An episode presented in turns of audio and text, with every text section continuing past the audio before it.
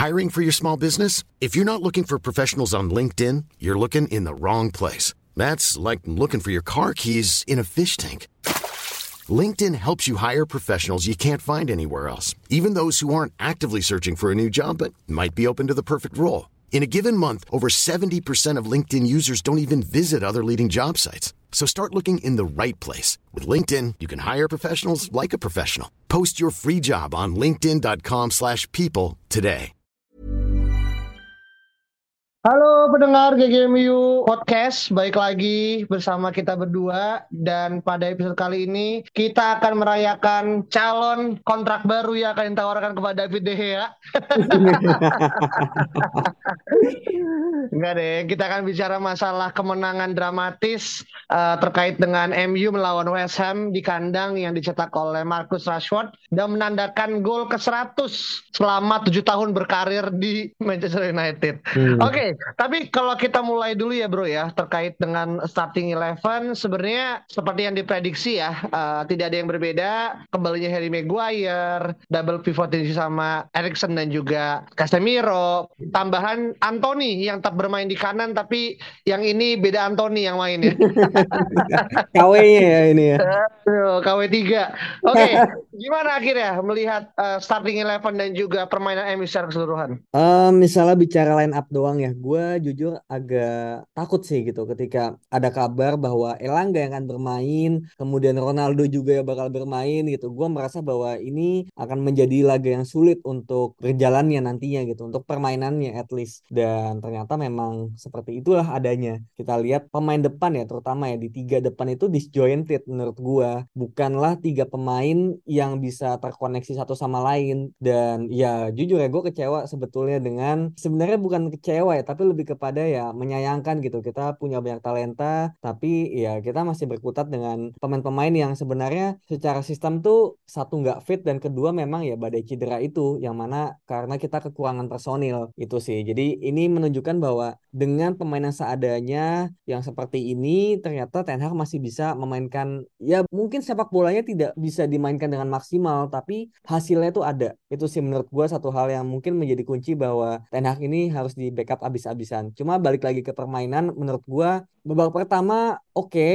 cuma ya again ya kita banyak banget salah passing yang bikin kita ini udah di posisi yang enak untuk mungkin bikin peluang tapi decision makingnya juga jelek gitu sih dan babak kedua itu literally jelek banget terutama di 10 menit terakhir. Oke, okay, berarti ini kalau secara permainan dan juga squad sebenarnya kita sudah mulai melihat ya bagaimana kita Ten Hag mulai menemukan eleven terbaiknya ya meskipun gue yakin dari sudut pandang beliau pasti ada beberapa titik yang dirasa masih menjadi uh, spot lemah ya, terutama terkait dengan uh, mungkin di lini depan gitu kan, dan juga mungkin di lini uh, wingback ya yang akhirnya sekarang mulai Dalot dan juga Shaw nih akhirnya hmm, mulai yeah, yeah. Uh, kembali ya menekankan bahwasanya apalagi Dalot yang akhirnya pure no competitors gitu kan, hmm. AWB tuh ketinggalan karena satu dia cedera, dua nggak ada yang akhirnya menurut gue sih secara permainan uh, selevel ya dengan Dalot di uh, squad MU sekarang gitu kan. Tapi kalau akhirnya kita ngelihat secara squad sebenarnya kan kita sebenarnya udah mulai cukup seneng ya karena Anthony Martial sudah eh, balik ya uh, meskipun masih latihan-latihan ringan tapi setidaknya ada senyuman-senyuman uh, tipikal Martial yang udah mulai um, apa ya menerangi lini timeline para para fans MU menurut gue nih suatu poin positif gitu kan meskipun nggak bisa bermain. Terus juga Anthony Anthony uh, real ya. Uh, katanya sih ada ini ya ada cedera ya uh, yeah, cedera yeah. ringan yang akhirnya harus membuat dia menepi serta Victor Lindelof yang akhirnya sakit yang ngebuat akhirnya uh, beliau digantikan oleh kapten kita uh, Harry Maguire gitu kan. Nah, secara posisi gitu kan. Sekarang kita berada di uh, peringkat kelima di match week ke-14 di mana akhirnya kita hanya terpaut dua angka dengan klasmen ketiga dengan Spurs dan juga terpaut 8 angka dengan Arsenal sebagai pemuncak klasmen gitu kan. Tapi menurut gue secara overall permainan kemarin setidaknya tiga poin diraih gitu. Karena kalau misalkan gue naik ke lo nih secara permainan sebenarnya MU kan baik lagi ya mendominasi gitu kan. Dan lini tengah tuh menjadi lini yang menurut gue cukup menjadi apa ya poin perubahan lah dibandingkan dengan musim-musim sebelumnya gitu kan. Kalau secara permainan gitu kan terlepas dari finishing yang mungkin ya bisa kita debatkan lah gitu. Ada nggak mungkin catatan positif yang lu lihat dari bagaimana kira Casemiro dan juga uh, siapa Erikson bisa menjadi holding yang cukup oke untuk melawan apalagi ada Declan Rice ya yang kemarin gue yakin juga pasti curi-curi pandang juga gitu Iya iya. Ya Declan Rice sih sebenarnya udah nggak mungkin ya. Kita udah ngambil Casemiro juga. Cuma kalau misalnya balik ke permainan, terutama di lini tengah, menurut gua Casemiro dan Erikson tuh oke sebetulnya di babak pertama. Cuma ada ya gini kayak kemarin tuh gue sempat baca gitu kayak Bruno Fernandes itu kalau misalnya main bareng Ronaldo itu somehow tuh nggak nggak works aja gitu loh kayak Bruno ini nggak nggak bisa bermain selayaknya Bruno yang kita kenal kalau depannya Ronaldo gitu. Padahal ya mereka tuh satu ini ya satu nationality di Portugal. Cuma sama kayak nggak bisa nyambung aja mereka berdua gitu kayak butuh pemain yang mungkin bisa link up dengan baik, tahu positioning dan timing kapan harus mundur, kapan harus saling mengisi posisi satu sama lain gitu dan ya memang Ronaldo ini kan lagi masa belajar ya, belajar menjadi striker yang diinginkan oleh Ten dan ya jujur ya kemarin banyak juga gitu. Dia salah posisi yang mana kayak momen ketika dia nggak perlu mundur dia malah mundur minta bola. Dan akhirnya ketika mau crossing Ronaldo lagi di belakang gitu loh bukan di kotak gitu. Jadi menurut gue itu juga menjadi problema tersendiri ketika Ronaldo ini tidak pada posisi yang seharusnya gitu. Cuma ya kita lihat lagi ya di match-match ke depannya apakah dia bisa beradaptasi lagi untuk sistem ini. Dan hmm. Bruno pun juga kemarin biasa banget gitu banyak salah oper yang di menit-menit akhir juga dia apa ya peluang terakhirnya Ham kalau nggak salah itu karena dia salah oper gitu. Itu kan nggak penting banget sebetulnya gitu. Kayak dia harusnya bisa lebih uh, tenang dalam dalam memegang bola. Cuma ternyata dia juga sedikit apa ya mungkin klamsi juga ya. Passingnya banyak banget yang klamsi passing kemarin gitu. Terus juga um, ketika Bruno ditarik eh Bruno nggak ditarik deng uh, Erikson kemudian masuknya Scott dan Fred itu udah makin ancur lagi kita. Itu emang menurut gue Ten Hag udah pure untuk mem, apa ya mengamankan tiga angka dengan cara pragmatis gitu.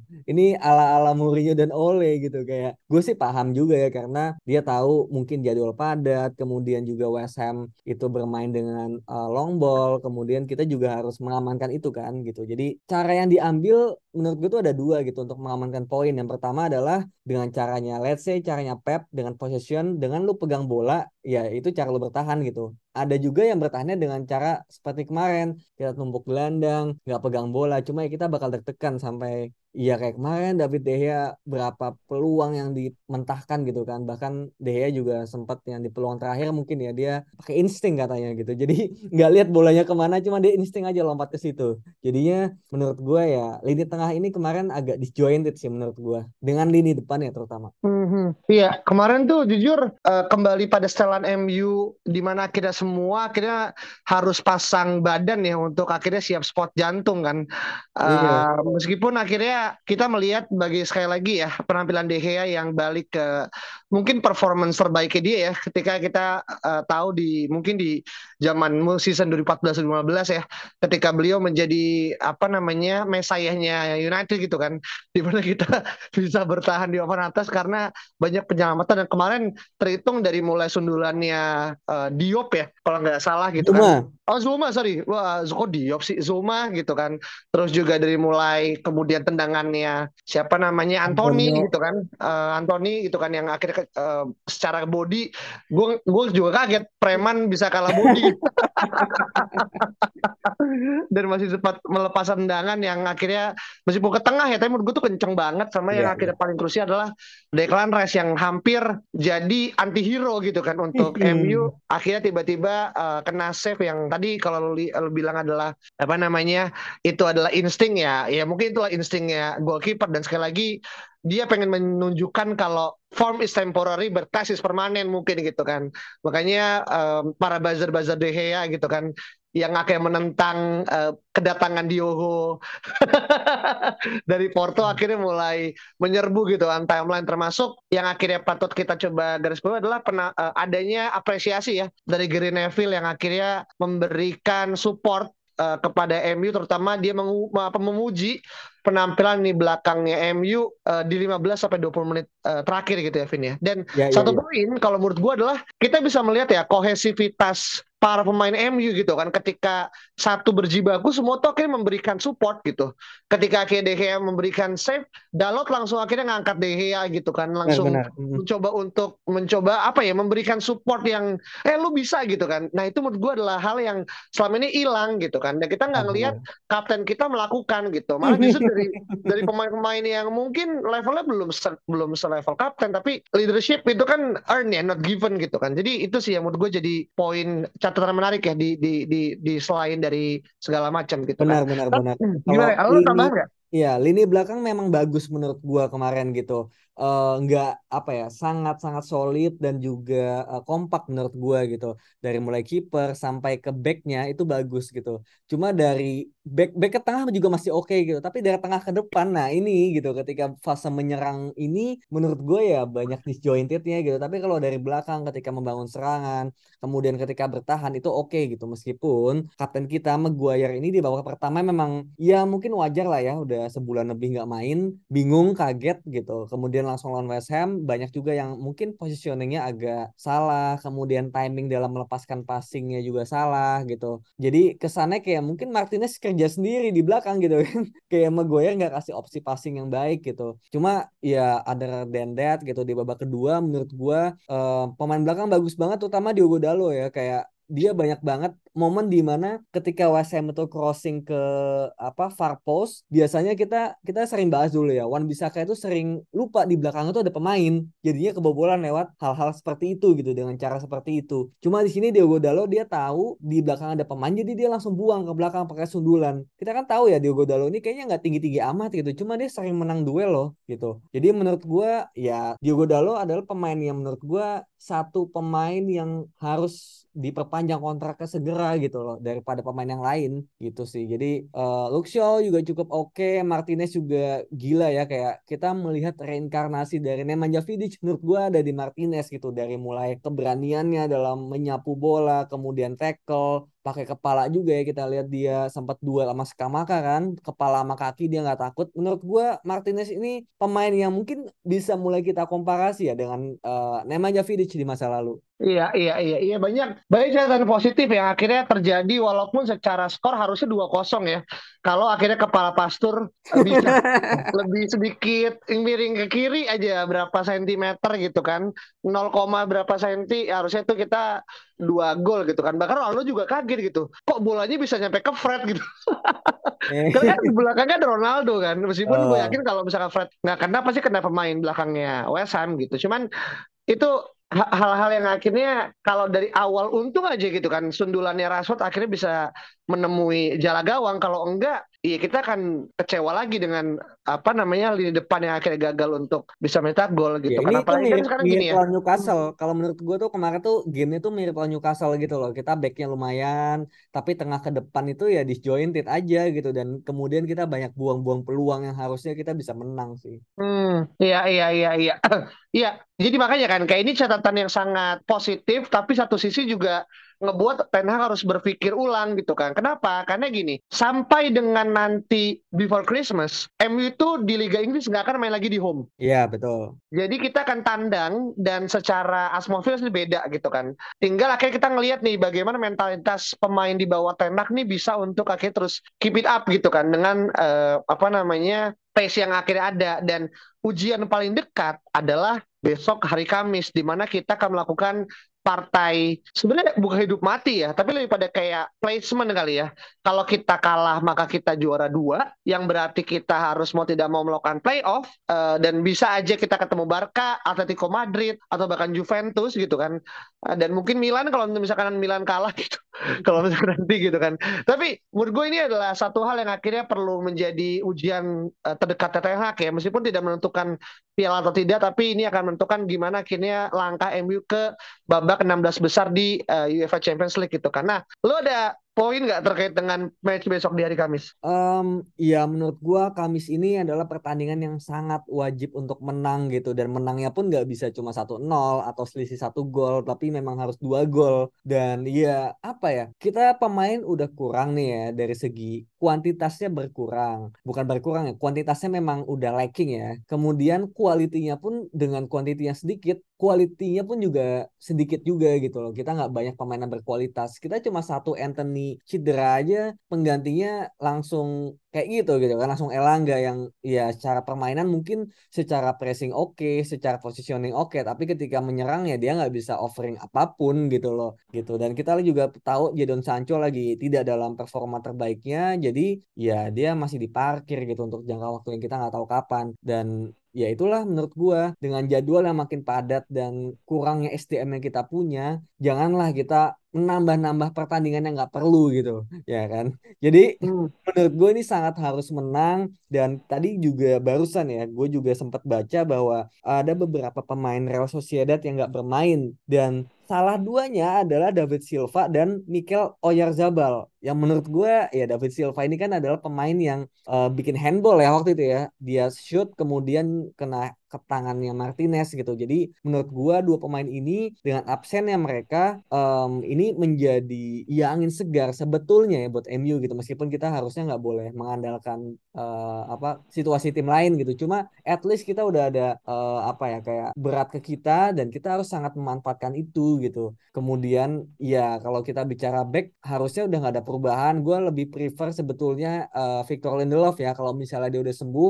dia aja bermain karena memang udah dapat nih gripnya dengan permainan MU sekarang. Kemudian untuk lini tengah dan depan menurut gua tengah ya udah pasti lah ya. Casemiro, Erikson, Bruno. Semoga Anthony juga udah fit lagi karena memang Anthony ini bisa offering apa ya width gitu loh di lini paling sayap gitu di paling ujung kanan gitu. Dan Elangga itu lebih ke tengah dan dia ya dribblenya decision makingnya juga sering salah. Jadi Anthony ini sangat penting untuk ada di kanan. Dan mm -hmm. gue berharap ya gue berharap ya mungkin kirinya ya Jadon Sancho bisa dikasih kesempatan lagi kalau memang di latihan dia menunjukkan etos kerja yang baik ya gitu. Dan ya gue sejujurnya ya to be honest dan ya say sorry juga. Gue tidak melihat Ronaldo adalah sebuah pemain yang tepat untuk dimainkan di pertandingan sangat vital nanti sih gitu. Jadi hmm. mungkin Marcus Rashford kirinya mungkin Sancho dan kemudian nanti di babak kedua kalau Martial udah fit mungkin bisa menjadi cameo gitu. Rather than Cristiano Ronaldo gitu sih. Iya, iya.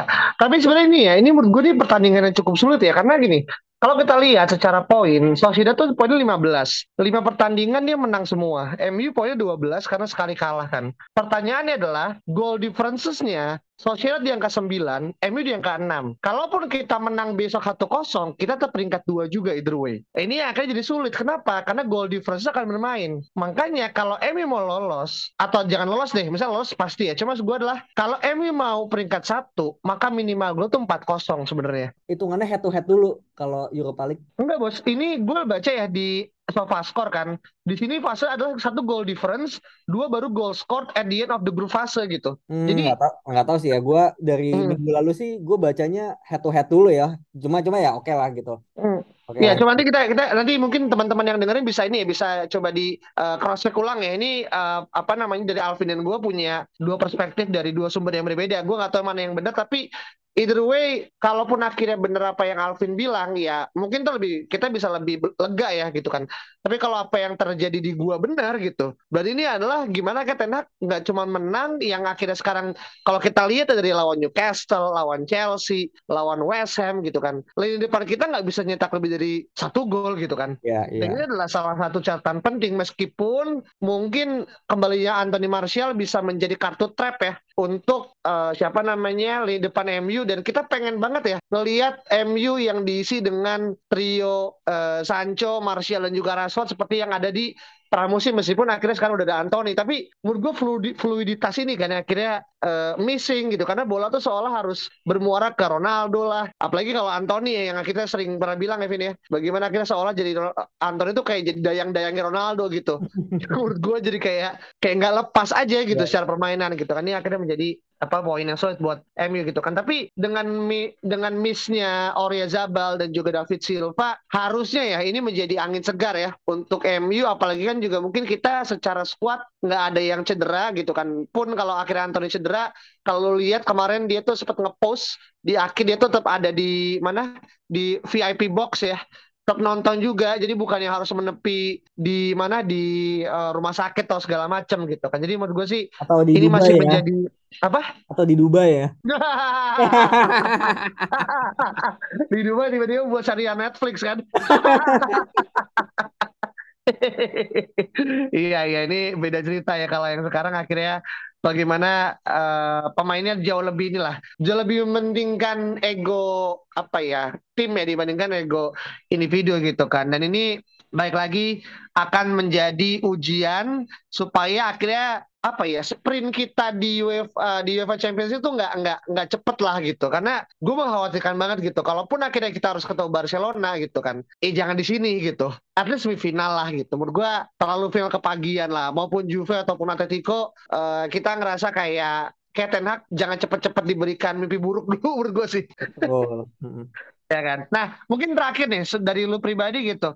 Apa kira-kira secara apa ya, secara uh, game plan dan uh, apa sih best result yang akan kita bisa dapatin dari pertandingan besok? Menurut gua gini, kalau misalnya gua menonton lagi ya pertandingan Real Sociedad lawan MU di pertandingan pertama, Sociedad ini bagus banget dalam possession, keeping the ball alive, kemudian um, dia juga main dari belakang ya, kipernya juga bagus banget uh, sebagai sweeper kiper. Jadi menurut gua pressing ini sangat penting untuk mencuri gol gitu. Makanya balik lagi, gue merasa hadirnya Ronaldo ini apa ya? Bukannya dia nggak mau pressing, cuma kadang-kadang timingnya salah atau ada momen di mana ya tadi gitu ketika salah timing lah dia menurut gua gitu loh dalam pressing ataupun dalam ketika menjadi part of uh, apa poin serangan gitu loh. Jadi menurut gua lebih baik ya memainkan Marcus Rashford gitu dan Ronaldo bisa dimainkan nanti ketika pemain-pemain udah mulai lelah di menit 70-an ke atas kalau memang kita butuh gol lebih banyak lagi dan kita bermain lebih oportunis lagi. Tapi kalau kita mau incar gol at least hancurin mental mereka menurut gua pressing full dari awal langsung agresif dan ya Rashford juga lagi dalam uh, mentalitas yang bagus kan dia cetak gol kemarin dan juga ulang tahun juga ya dia ke 25 kemarin. Jadi menurut gue ini sangat